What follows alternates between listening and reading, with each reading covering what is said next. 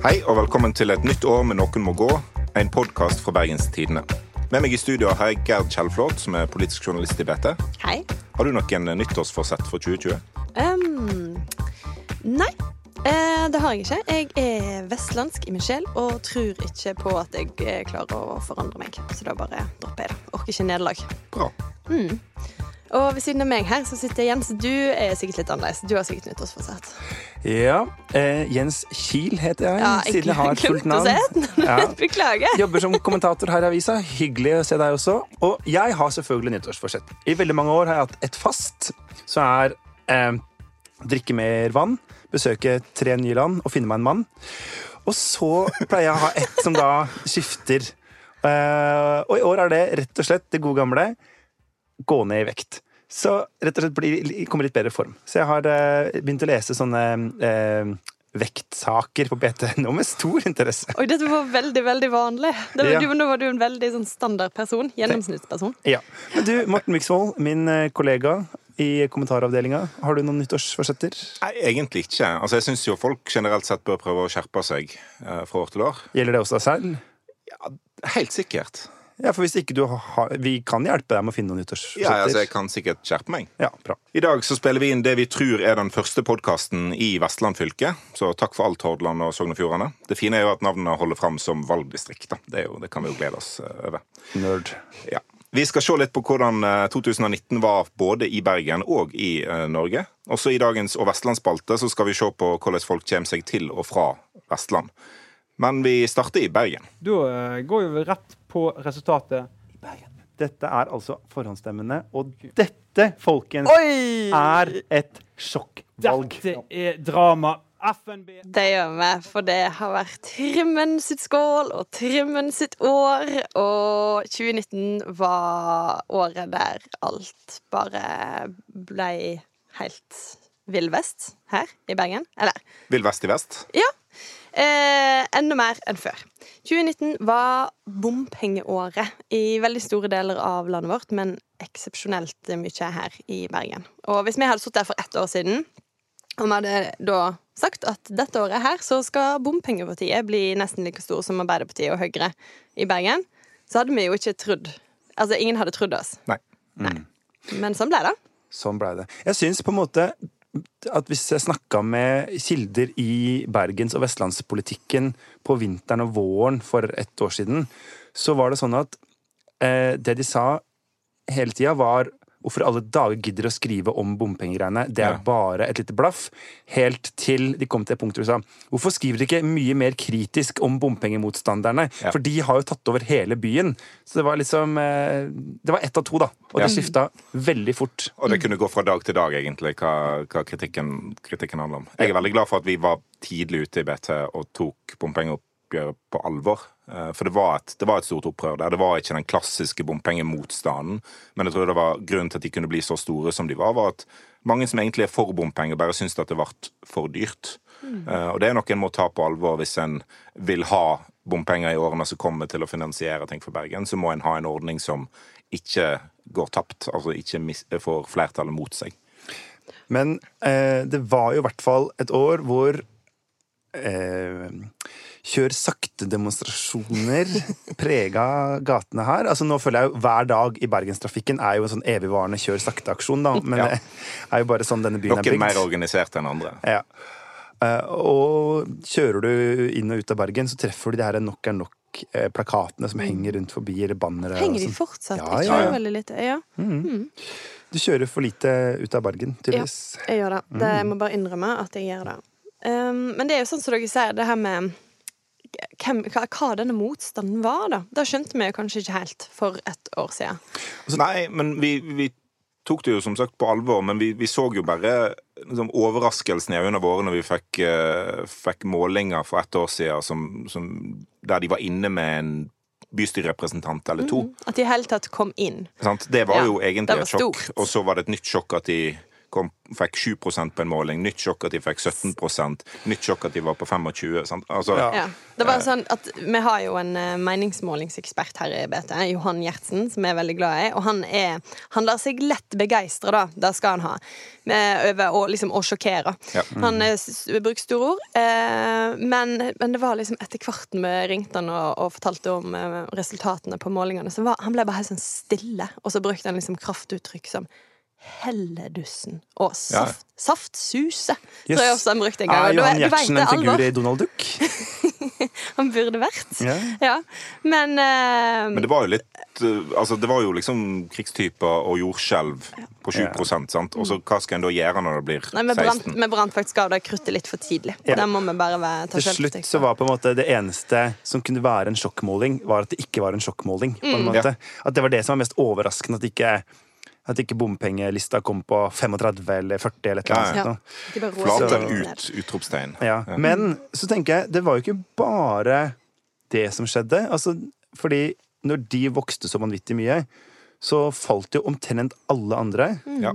Eh, Og særlig da Arbeiderpartiet og Høyre. ja. Ja. Men eh, vi får si også Det blir jo ikke så mye i antall stemmer, men i størrelse på partiet så gikk det jo hardt utover de to andre byrådspartiene, altså KrF og Venstre. Og vi hadde jo også målinger for eh, Frp nede på totallet. Ja.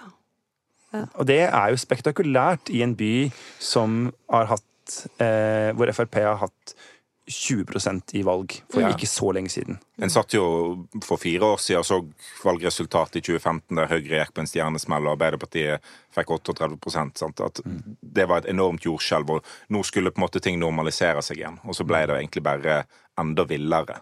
Eh, altså, Høyre gjorde det enda dårligere enn i 2015, og Arbeiderpartiet krasja jo fullstendig sammen. Så det, det rakna jo egentlig for, eh, for ganske mange. Da. Det rakna for ganske mange. Men det som vel også skjedde, var at på en måte hele bompengeopprøret fikk sin motstemme i et sånt veldig tydelig eh, klimaalternativ, da.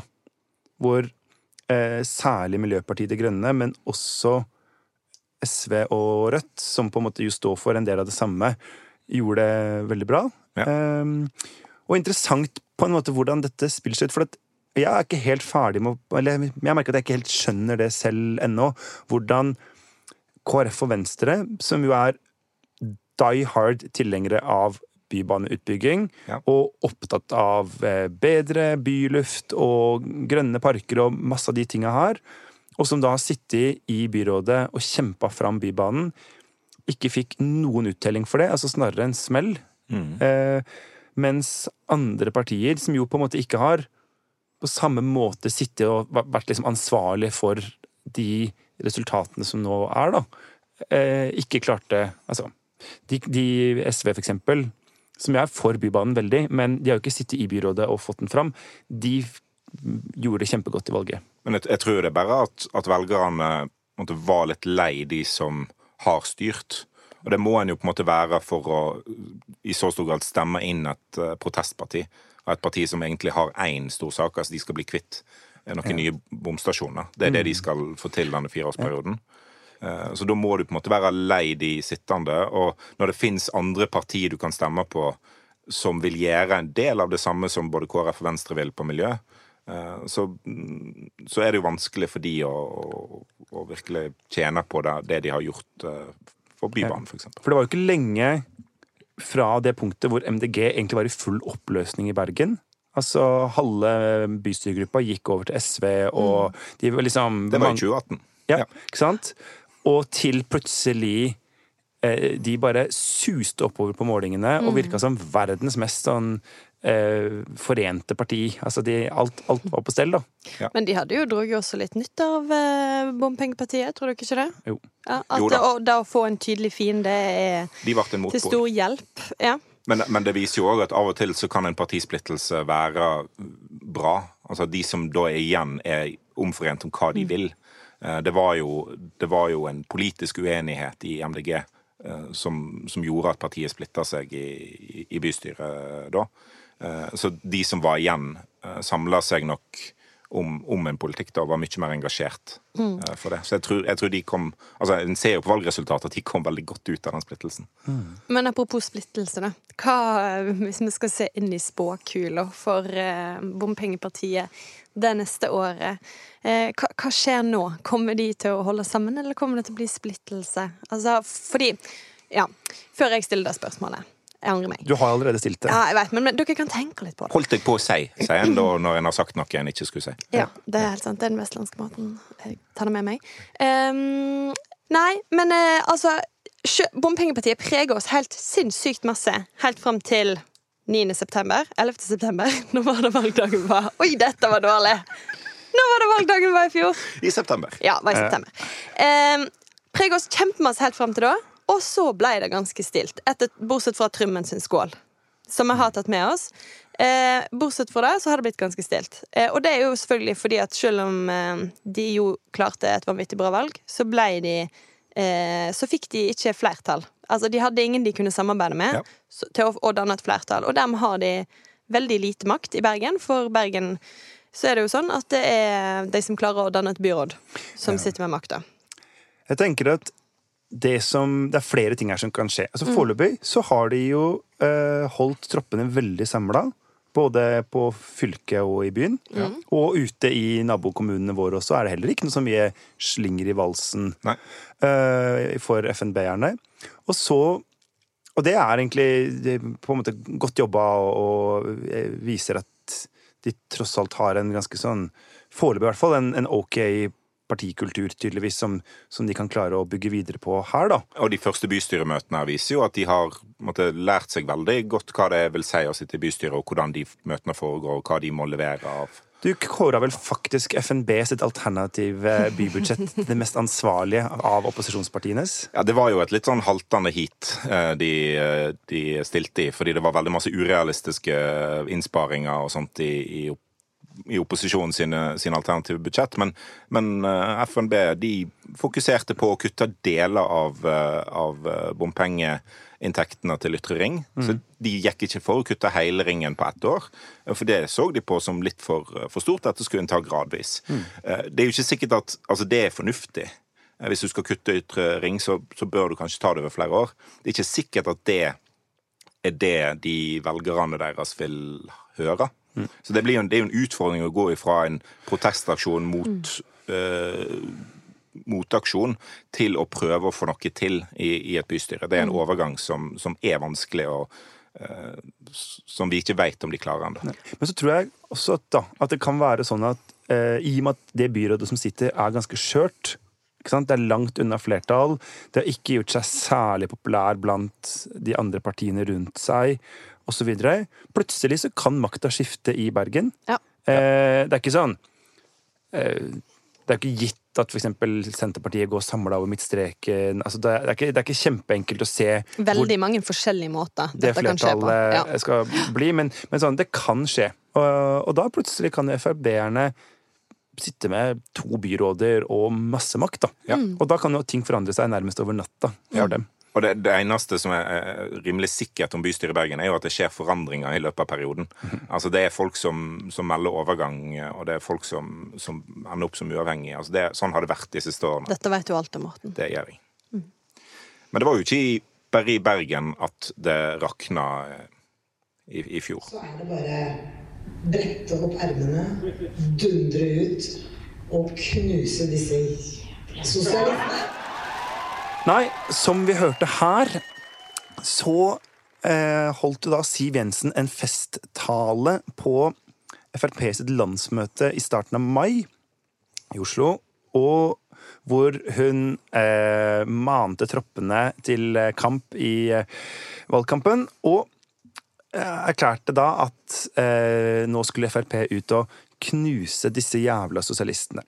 Og jeg satt selv i salen der. eh, Dette var jo middagen, så jeg innrømmer at jeg har tatt eh, kanskje et halvt glass eh, lettbrus eh, før vi kom til dette punktet i festmiddagen. Men, men jeg syns det bare var artig, og alle skjønte at hun sa det med glimt i øyet osv. Hva førte dette til? Jo, altså en storm uten like, hvor eh, blant annet Dagbladet og flere andre lagde store saker og store oppslag om at nå ville Siv Jensen knuse de jævla sosialistene i Norge. Eh, Anette Trettebergstuen, eh, Arbeiderpartiets eh, kvinnepolitiske leder, skrev brev til statsminister Erna Solberg, hvor hun skrev at, eller sa noe om at i ytterste konsekvens kan slike uttalelser være med på å legitimere hat og vold. Eh, og ba da altså eh, statsministeren ta sterkt avstand. Og sånt har på en måte hele dette året her vært prega av. Eh, Ikke-saker. Noen slår en vits, noen skriver en tweet, noen et eller annet, som blir til megasaker. Eller saker som hvor eh, det ikke er noen motstand der ute, og så plutselig så bare dukker opp. Altså, Den klassiske stråmannen. den klassiske stråmannen. Altså for eksempel Kjell Ingolf Ropstad, som har erklært at han vil kjempe med nebb og klør mot ettbarnspolitikk i Norge. Vi vet fremdeles ikke hvem det er som skal innføre denne ettbarnspolitikken, men det er på en måte der vi har Men han er i hvert fall mot. Ja. Ja. Ja. Kan jeg bare si en ting om stråmenn, forresten? For jeg sjekka ordet i ordboka. Lurt. Og det ordet kan bety ifølge Språkrådet to ting. Enten altså en utstoppa figur av halm, eller en person som mot betaling tar på seg det formelle ansvaret for en transaksjon eller en tvilsom handel. Altså, sånn, Ordet stråmann eller stråmannsargumentasjon står ikke i ordboka ennå. Så her er det noen som må ta litt eh, Her må noen gå. Ja. Det er definitivt. Men jeg mener da at det er dette som gjør at vi kan på en måte kåre 2019 til eh, året der samfunnsdebatten for alvor rakna. Og det er jo flere eksempler òg, egentlig. Ja, altså En hadde jo hele denne julediskusjonen, julegate, med at nå var julet Mens vi sto der og handla julepresanger og så nisser overalt, så, så var liksom julet trua. Og det er jo ingen som, som har kommet tilbake på jobb nå etter nyttår og tenker at nei, det var jo ikke noe julefeiring i Norge. Men likevel så var det liksom en del sånn saker i, i, i- i mediene uh, der, og, og jo definitivt i sosiale medier, der folk på alvor mente at julet virkelig var trua av, eh, av noen. Hvem disse noen var, det, det vet vi jo fortsatt ikke. Jeg tror veldig Altså, den, den viktige makteliten, velmenende heimkunnskapslærere, Ja. de har på en måte fått en slags sånn eh, status som jeg ikke tror de visste selv at de hadde, da, når det gjaldt hvor mye de kan påvirke nordmenns eh, eh, liv og virke. Det kommer stadig fram hvem som er eliten i Norge. Som eh, gutter på gulvet, altså stortingsrepresentanter, skal ut og kjempe mot. Ja. Og så har du på en måte de litt mer sånn, si, eh, vanskeligere sakene, de større sakene. Altså, vi hadde jo for eksempel denne saken hvor eh, eh, Siv Jensen tok fram igjen uttrykket eh, snikislamisering. Ja. For det var Altså, det brukte hun rett etter et terrorforsøk mot en norsk moské. Ja. Eh, hvor da noen kvinner ikke ønsket å håndhilse på eh, kronprinsen. Eh, og i det landskapet der eh, så valgte Siv Jensen å bruke det. Og det er jo et sånn ganske heftig eh, Heftig språkbruk inn i, en, eh, inn i en alvorlig situasjon for Norge. da. Ja. Veldig lite samlende. Det var veldig absurd å Altså, jeg var i besøkte den uh, moskeen, da. eh, i, i dagen etter, etter terrorangrepet, og var utafor når min, minnestund var. Det var veldig absurd å liksom fra å gå og snakke med de som, de som var der og, og, og sørga og var redde, til at de neste dagene så handla det om at det var en farlig utvikling at noen ikke ville håndhilse på kronprinsen.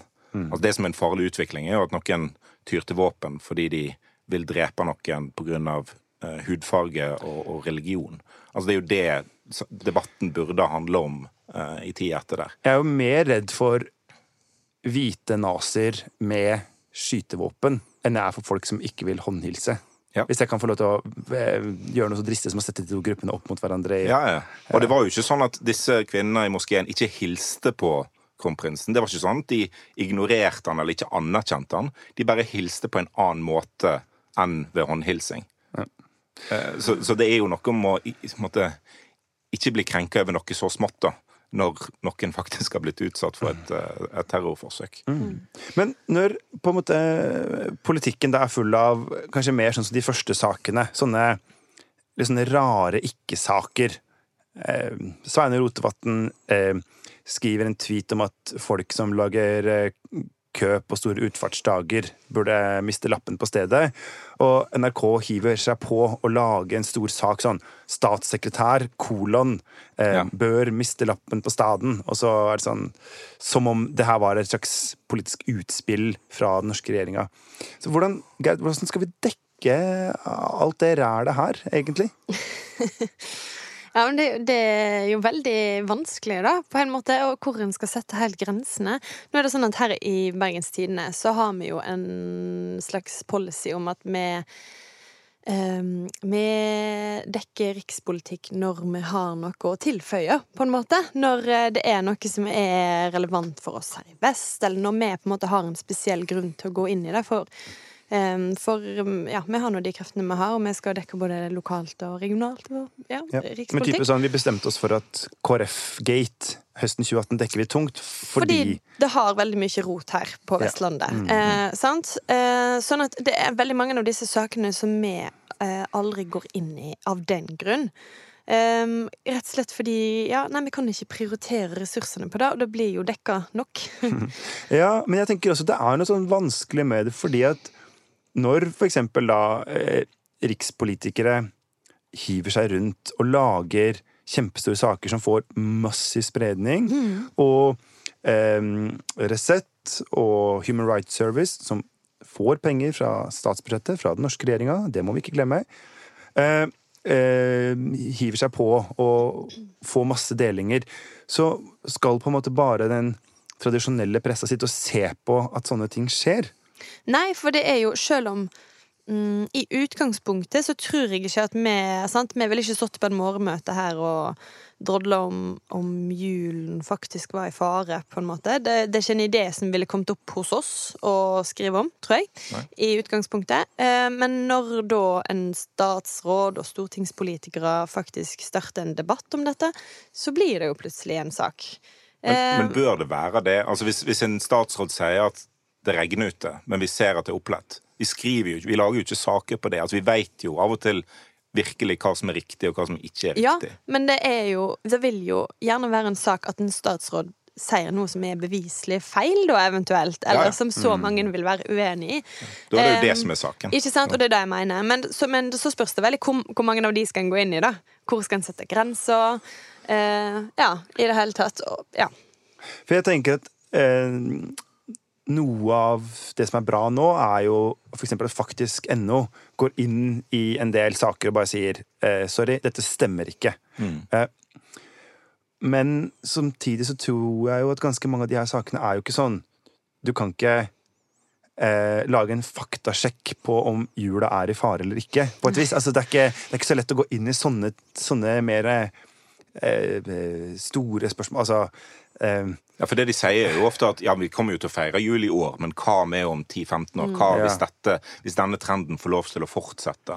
Altså Det er en veldig sånn, eh, sju- sånn de, de, de bare ser et mørke i framtida, da. Ja, Eh, ja som- eller sånn som ikke vi finst. vel har vært uh, innom i forrige episode med at uh, Listhaug Nå ble det mye Frp, da, men det kan være alle partier. Men Listhaug som hadde en Som på en måte åpna med å si at hun ville eh, gjenreise stoltheten for oljearbeiderne.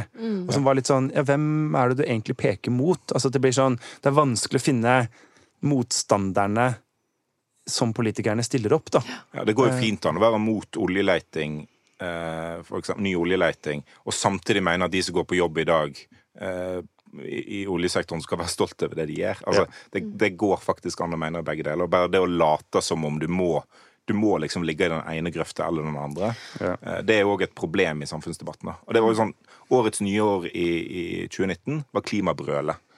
Og, og brøl er jo i seg sjøl en ganske sånn lite Det er lite dialog i det. Lite Så det er kanskje et tegn på at det en, det en gjør lite av uh, i, i 2019, er å snakke sammen. Mm. Det en gjør masse av, er å stå på avstand og skrike til hverandre. Ja. Men jeg tror For at sosiale medier har jo gjort at det her går mer av hengslene. Ja. Eh, Men jeg tror jo også at vi i media har Altså, vi må skrive færre sånne snakkissaker. Altså sånn ragebate. eh, Ja, type sånn eh, Om det er en hvis det, hvis det er et eller annet sånn julefeiringsgreier, da, eller Rotevatn som har tvitra noe, så må vi Eller Siv Jensen som har eh, slått en spøk, så må vi klare å formidle på en tydelig måte sånn um, Hvilket nivå er dette på? Er det en, en ekte sak, eller er dette liksom en vits som kommer litt dårlig ut, eller sånn? For vi, vi har jo makta til det. Når, no, når vi, altså, ja, si da, når en da politiker tar kontakt med oss og er krenka, Ja. så kan jo vi si Nei, sorry. Det er jo veldig mange saker i løpet av et år media ikke skriver om. Mm. Det er jo prioriteringer, det er nyhetskriterier som en vurderer. Og det at en viktig person sier noe, gjør ikke nødvendigvis saken viktig. Nei. Og så spørs det jo da, for eksempel før jul, hvor mange sånne skoler skal vi omtale som ikke synger en julesang, for eksempel. Ja. Jeg sier ikke at man ikke skal skrive om det i det hele tatt, men ja, jeg vet ikke. Nei, men jeg tror, sånn som Morten tror jeg er tilbøyelig til å mene at ingen burde synge 'Deilig er jorden'. Det er jo en oppskrytt sang. Altså, det, det fins så mange finere sanger der ute som du du kan synge jul inn til. Så, så det er jo, det er jo, en kan jo være litt kreativ, da. Ja. Ville avlyse jula, men påby juli. Ja. Så, for jeg tror det er Vi kan være med på å ta ned dette litt. Altså enten ikke skrive sånne saker, eller på en måte skrive saker mer av typen Nei, Siv Jensen oppfordra ikke til eh, eh, drap og vold. Ikke sant? Hun bare slo en vits. Vi kan spare de måte, antydningene om at retorikk kan føre til vold, til saker der det faktisk kan stemme. Ja. Sånn som når det kommer til liksom, høyreekstreme uttalelser og, og kobling Ja. til, til, eh, til terror. Og så tror jeg kanskje, og det kan jo være et nyttårsforsett eh, for eh, oss alle, da, men dette med å bli litt sånn flinkere på at vi i media orker å kritisere hverandre. Ikke bare sånn med å sende en melding til noen og si du, er du helt sikker på at du vil bruke den formuleringa, men også åpent og tydelig, sånn at publikum kan se at ikke vi bare heier på hverandre uansett, men eh, faktisk at man slår ned på eh, tull da, fra ellers gode kollegaer. At Ja. kritikk er egentlig å hjelpe hverandre. For jeg tror hvis ikke så bare rakner dette enda mer i 2020 enn det gjorde i 2019. Ja, for Det kan vi bli bedre på i 2020. Det, vi- det norske medier ble flinkere på i 2019, eh, var jo å beklage. Altså det, det, var en, det var en god del beklagelser i, i 2019. Og en gjemte seg uh, selvfølgelig litt uh, i- starten i, i noen av de sakene der, der mediene sjøl ble, kritisert, som i Bar Vulkan-saken og sånt, uh, til VG. Men, men en, en har òg fått en mer følelse av at pressa er av og til eh, under lupen, den òg. Og når en gir feil, eller når det er kritikkverdige forhold, så må en være åpen om det og beklage og prøve å bli bedre. Det er det vi krever av, eh, av politikere, f.eks. Men så da dere gjorde nå, var rett og slett å påtvinge oss nyttårsforsett. Eh, ja. Eh, jeg prøvde å gi deg eh, eh, nyttårsforsett skam. Sånn skal vi ikke ha det i Norge. Enig? Eh, enig.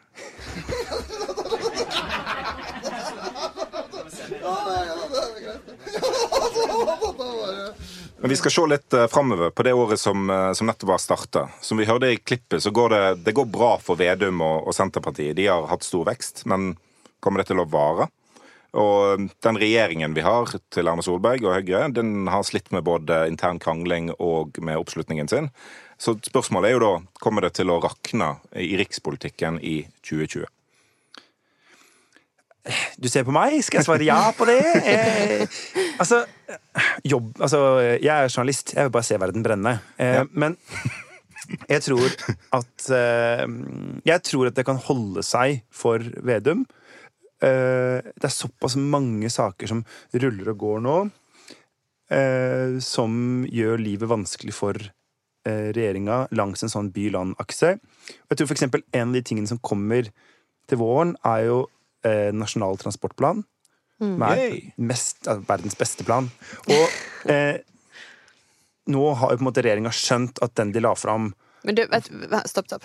Kan du bare forklare kort? Nasjonal transportplan. Ja, det er enkelt sagt så er det vel på en måte den store planen hvor regjeringa sier noe om hva man skal bruke penger på i Norge når det gjelder de store Veiene, eh, jernbane, havner, eh, storbyområdene Luftfart. Ja, alt sånt noe. Eh, og den som gjelder, er på 1000 milliarder. Ja. Den gjelder for mange år, da. Eh, men nå driver jo regjeringa og prøver å avlyse megaprosjekter i høyt eh, tempo, for at de ser at det er, det er bare tull. Det det, er ikke penger. penger. Det er Ja. ikke penger i Norge til det her. Og mye av de 1000 milliardene er jo òg bompenger, og det, det er Er det det ikke da? stemning for. Det har skjedd noe der. Ja. Ja. Å ja, var, var det noe med bompenger, ja? ja. Og så eh, Og det tror jeg kan være på en måte Senterpartiets eh, vei da, inn i en ny, stor sak. Ja, det var ikke ment som et ordspill.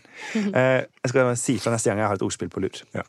Og så, i tillegg til de sakene som ligger der, og som allerede skaper, eh, skaper konflikt Ja, for hvis, du, hvis Nasjonal transportplan skal kuttes ned, men en beholder f.eks. intercity på sentrale Østlandet, så er det ganske mange eh, veier og veiprosjekt og baneprosjekt i resten av landet eh, som må kuttes på. Så det, er en, det, det ligger liksom en sentraliseringsfare eh, for regjeringen i De har jo eksempel sagt at de skal bygge denne E18 ut av Oslo, mot Bærum Asker. Um, selv om ikke Oslo vil ha det. Altså, de får jo enorme veier som de ikke vil ha. Ja. Sant? Jo, det er um, Det er litt provoserende å se på her vestifra. Ja, og som er ikke, den er, den er ikke, det, er ikke, det er ikke bra for Norge hvis de bygger den veien. Altså. Men Nei, nei. da ikke sant, Hvis vi skal bruke noen titalls milliarder på den, så er det jo penger som kunne vært brukt et annet sted. da. Ja da. Så det er jo én ting. Og så tror jeg at øh, klimapolitikken kommer til å bli kjempevanskelig fremover. Én ting er i samferdselsspørsmålet, men også denne iskanten. Eh, hvor det da er altså spørsmålet om hvor, hvor langt nord kan vi bore etter olje og gass? Det fascinerende med den er jo at jo mer klimaendringene fører til at iskanten trekker seg eh, lenger nord, jo mer kan vi eh, borer etter olje eh, og føre til flere klimaendringer og hardere klimaendringer. Eh, så hvis en ikke setter en stopper for eh, den iskanten en annen plass enn der isen faktisk eh, går Vi trenger en politisk iskant. Ja, det er jo det egentlig eh, miljø- og klimaforkjemperne vil ha. Det er jo en iskant som går lenger sør enn der isen, isen ligger. Bare for å hindre oljeutbygging. Kan det være altså, Jeg skal ikke bli noen PR-operatør for noen av sidene, men at kanskje noen av de som ikke vil at iskanten skal gå der iskanten går, burde kalle den noe annet? Det hadde vært Kanskje bare veldig kalle lurt. den en breddegrad, eller Ja. eh, oljestoppsirkelen. Jeg har ikke peiling, jeg. Ja. Det, for det er naturlig at iskanten skal være der iskanten er. Ja, det, der eh, tror jeg at eh, oljetilhengerne har et veldig godt argument. Ja. Som gjør det liksom lettere forståelig for folk. Ja. Men tror du, altså, tror du dette er noe Senterpartiet kan eh, tjene på? Altså, I Senterpartiet så ligger det jo en slags miljøkonflikt latent. Ikke sant? Hvor du har sånne politikere som eh, Navarsete, Anne Beate Tvinnereim, hun som er nestleder, og, og flere andre, som på en måte hører til Kall det det grønne Senterpartiet. Altså eh, Som egentlig fra EU-kampen og framover, eh, Åslaug Haga osv., var veldig klima- og miljøbevisst. Mm. Eh, men så nå har andre som styrer mer, som er mer på oljelinja, altså Ola Borten Moe og, og den sida, da. Og det tror jeg kan bli mer krevende for dem eh, når det kommer nye saker, i og med at da gjelder liksom ikke de gamle kompromissene lenger. Det har jo vært det som har vært en del av kritikken mot uh, Erna Solberg sin regjering, er jo at det er vanskelig å være veldig ambisiøs på, på klima når uh, det nest største partiet i regjering bare vil at folk skal kunne kjøre bil billigere. Og det er jo det Senterpartiet De har jo blitt på en måte billig bensinpartiet. Eh, så, så det er jo en den, den utfordringen som Erna Solberg har, vil jo òg Jonas Gahr Støre få om det skulle rakne for regjeringen. I vår spalte og Vestland så skal Jens eh, ta turen rundt på Vestlandet, eller i Vestland, eh, på leiting etter hva som er så spesielt med denne delen av eh, landet. Hvor har du eh, tenkt deg i dag, Jens? Du, i dag har jeg egentlig tenkt meg eh, til fjells. Ja. For eh, sist så snakka vi om eh, tunneler. Er det noen som har vært på kino og sett den her eh, tunnelen? Nei, nei, nei. Nei, nei, nei. Nei, det ikke skjer heller. ikke. Jeg tenkte jeg skulle gå nå som jeg har kommet meg trygt hit igjen. Men eh, Eneste som kunne vært verre, var en sånn katastrofefilm om eh, en kinosal. Altså Det å sitte inne i en kinosal og se kinosalen brenne, det, det kan være verre enn å se katastrofefilmen 'Tunnelen'. Ja. Eh, vi får tipse noen av produsentene. Og så eh, Men det er disse fjellovergangene. Ja. Eh, Blodårene våre. Æsj. For jeg hadde ikke noe sånn særlig forhold til dem før jeg flytta hit. Eh, Fordi det er jo ikke sånn at du sitter på, i Oslo og følger liksom spent med på hvilke som er åpne og ikke, og sånn. Mens vi som eh, har tilgang til trafikktallene på bt.no, vi ser jo hva som engasjerer. Og Det sant. eh, jeg har merka at jeg blir en sånn fyr som jeg sitter og leser meg opp, ikke bare på de, den jeg selv skal reise på, men også liksom andre fjelloverganger. Jeg syns det er liksom spennende stoff. Jo, men det er jo fordi du må ha alternativ. Nei, men jeg tror det, det er Jeg syns det er interessant å lese sånn Strynefjellet. Jeg skal helt sikkert ikke kjøre til Nordfjord eh, fra Nei. Oslo, eh, sånn, ikke sant? men det er greit å bare følge litt med. Ja.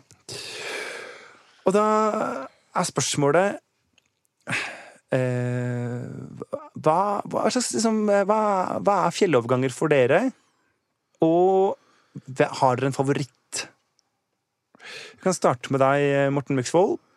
Altså, Jeg har ikke noe sånn romantisk forhold til det, at det er veldig sånn følelse knytta til fjelloverganger som en, som en ting. Altså, Det er en måte å komme seg fram på, litt sånn som, som alle andre veier. For det er ikke som eksempel å ta Bergensbanen. Nei. Som jeg tror folk har kanskje mer eh, Ja, altså Det er ikke sånn at jeg nødvendigvis gleder meg til en tur over fjellet fordi at måte, Hemsedal er så flott å kjøre. Eh, Men jeg, men jeg liker altså favorittfjellovergangen min er, er Hardangervidda. fordi den er raskest. Fordi han er raskest, fordi han er finest, og fordi han går fra der jeg skal til der, eh, fra der jeg er, til der jeg skal, stort sett. Og det, jo, det tror jeg er en del av grunnen til at folk lenger sør i fylket har en annen fjellovergang som er favoritt. Men når jeg kjører bil, hvis jeg skal kjøre bil i dag over fjellet, så ville jeg tatt Filefjell, fordi at jeg er livredd for kolonnekjøring. Jeg skal aldri kjøre kolonne. Har du noen gang gjort det? Nei. Eller? Nei. Har bare ikke tenkt Altså, det å svømme med haier, heller ikke tenkt å gjøre. Aldri gjort det. Jeg bare veit at det er noe jeg ikke skal. Ja, Kolonnekjøring. Svømme med haier. Ja, Mye det samme. Men la oss da gå fra eh, Nordhordland, eller altså Nord-Sør-Vestland, Ja. Ja. som det nå heter, Ja. Ja. til eh, Sunn-Sør-Vestland, ja, som du kommer fra, hvor vi finner eksempel Kvinnherad. for eksempel. Eh, og eh, du og fjelloverganger, da? Ja, nei, i Sunnhordland er det jo høyklyss i gjeldet. S- Det er bare sånn det er, da. Det er den eh, kjappeste veien. Det er den som er åpen stort sett Ja. hele året. Og det er ikke noe å lure på. Så Hardangervidda er fin, den, på sommerstid. Hvis Ja. du har god tid. For, eh, altså fra oss, da. Men nå skal det sies at jeg har ikke kjørt eh, øst-vest siden kanskje tiende klasse. Og da Det er lenge siden. Det Ja. var ikke i forrige tiår engang, eh, faktisk. Så Sånn Så det ja, det er blitt Ja, lenge For jeg kjører jo over fjellet kanskje sju-åtte ganger i året. Jeg har aldri bodd på det der Østlandet. Nei. Det var før i høst, altså i fjor, da. Så kjørte jeg over på en søndag for å skifte dekk, og så kjørte jeg tilbake på en mandag. Eh, jeg tror ti av ti klimaforskere ikke anbefaler å ha dekka på andre sida av eh, fjellet. Mm. Men Ja. Senterpartiet har stor forståelse. Ja, ja, ja, og mener at sånn som meg burde ha halv dieselpris. Ja. Ja. Fordi jeg syns jo at den fineste er Haukeli. Oi. Ja. Eh, og så har jeg veldig sansen for både Sognefjellet og Strynefjellet. Det eneste ulempen er at de tar deg jo til steder som Altså, det er jo litt omvei fra Bergen til Oslo. Ja, via Strynefjellet. Men eh, absolutt dårligst liker jeg Hemsedal. Ja. Jeg syns downtown Hemsedal har blitt så innmari stygt. Det er så kjipt å kjøre gjennom. Altså, det er fartsdump på fartsdump. Altså. Ja. Så jeg tror det, jeg kårer den til min sånn hat-fjellovergang nummer én. Oi. Ja. Eh, håper at ikke det er noen hemsedøler, heter det det? Sikkert. Ja. Det vil jeg tro. Som Fra nå av, i hvert fall. Ja. Mm. Så da, da fikk jeg jo eh, starta året med litt hat. Det var greit og få gjort. Aurland Hoel bare sitter der, og ingen som snakker om den. Ja, Den er jeg litt sånn glad i. Den er jo en av de nyeste. For den blei vel egentlig bare bygd fordi at man skulle bygge at Statkraft skulle ha noen demninger oppå der. Ja. Og da dukka det opp en eh, vei litt sånn i, som en konsekvens. Ja. Ja. Den, er, den kjørte jeg faktisk den natta jeg skulle begynne i BT. Jeg slutta jo i Klassekampen på en tirsdag. Ja. Så satte jeg meg i bilen sånn i fem-seks-draget og kjørte over eh, fjellet, og fremme er kanskje klokka to. Og så gikk jeg på jobb i Bergens Tidende Ja. klokka åtte. Wow. Det, ja. nå, nå er det grining og lommetørkle i studio her. Ja. Vakkert. Nydelig vakkert. Før vi avslutter, så må jeg spørre, er det noen som må gå eh, i dag? Ja, Altså, Hemsedal må kanskje gå. Det får Eh, være og så det. tror jeg 2019 må gå. eh, Ja. all, ja, og alle vi journalister, hvis vi synder mot den nye regelen om å ikke skrive ikke-saker, Ja. da må vi gå. At det var veldig strengt. Norske Oi. medier må ikke gå i takt. Ja, ja det var litt eh, elegant. Ja. Innspill og tilbakemeldinger til oss det kan sendes til nmg, altså Noen må gå, eh, alfakrøllbt.no. Vi kommer med en ny episode hver fredag i hele 2020. He, var, nå var du litt voldsom, kanskje? Ja, altså Vi, vi må ta ferie innimellom òg, men, eh, men ambisjonen må være der. Det er et nyttårsforsett som jeg kan pålegge deg. eh. Jeg blir ikke med på langfredagsepisoden. Den får du lage sjæl. Introen eh, vår var laga av Bjørn Torske, og det var, han heter Bergensere. Eh, Produsent for denne sendingen var Henrik Svanevik. Takk for oss. Det. For oss.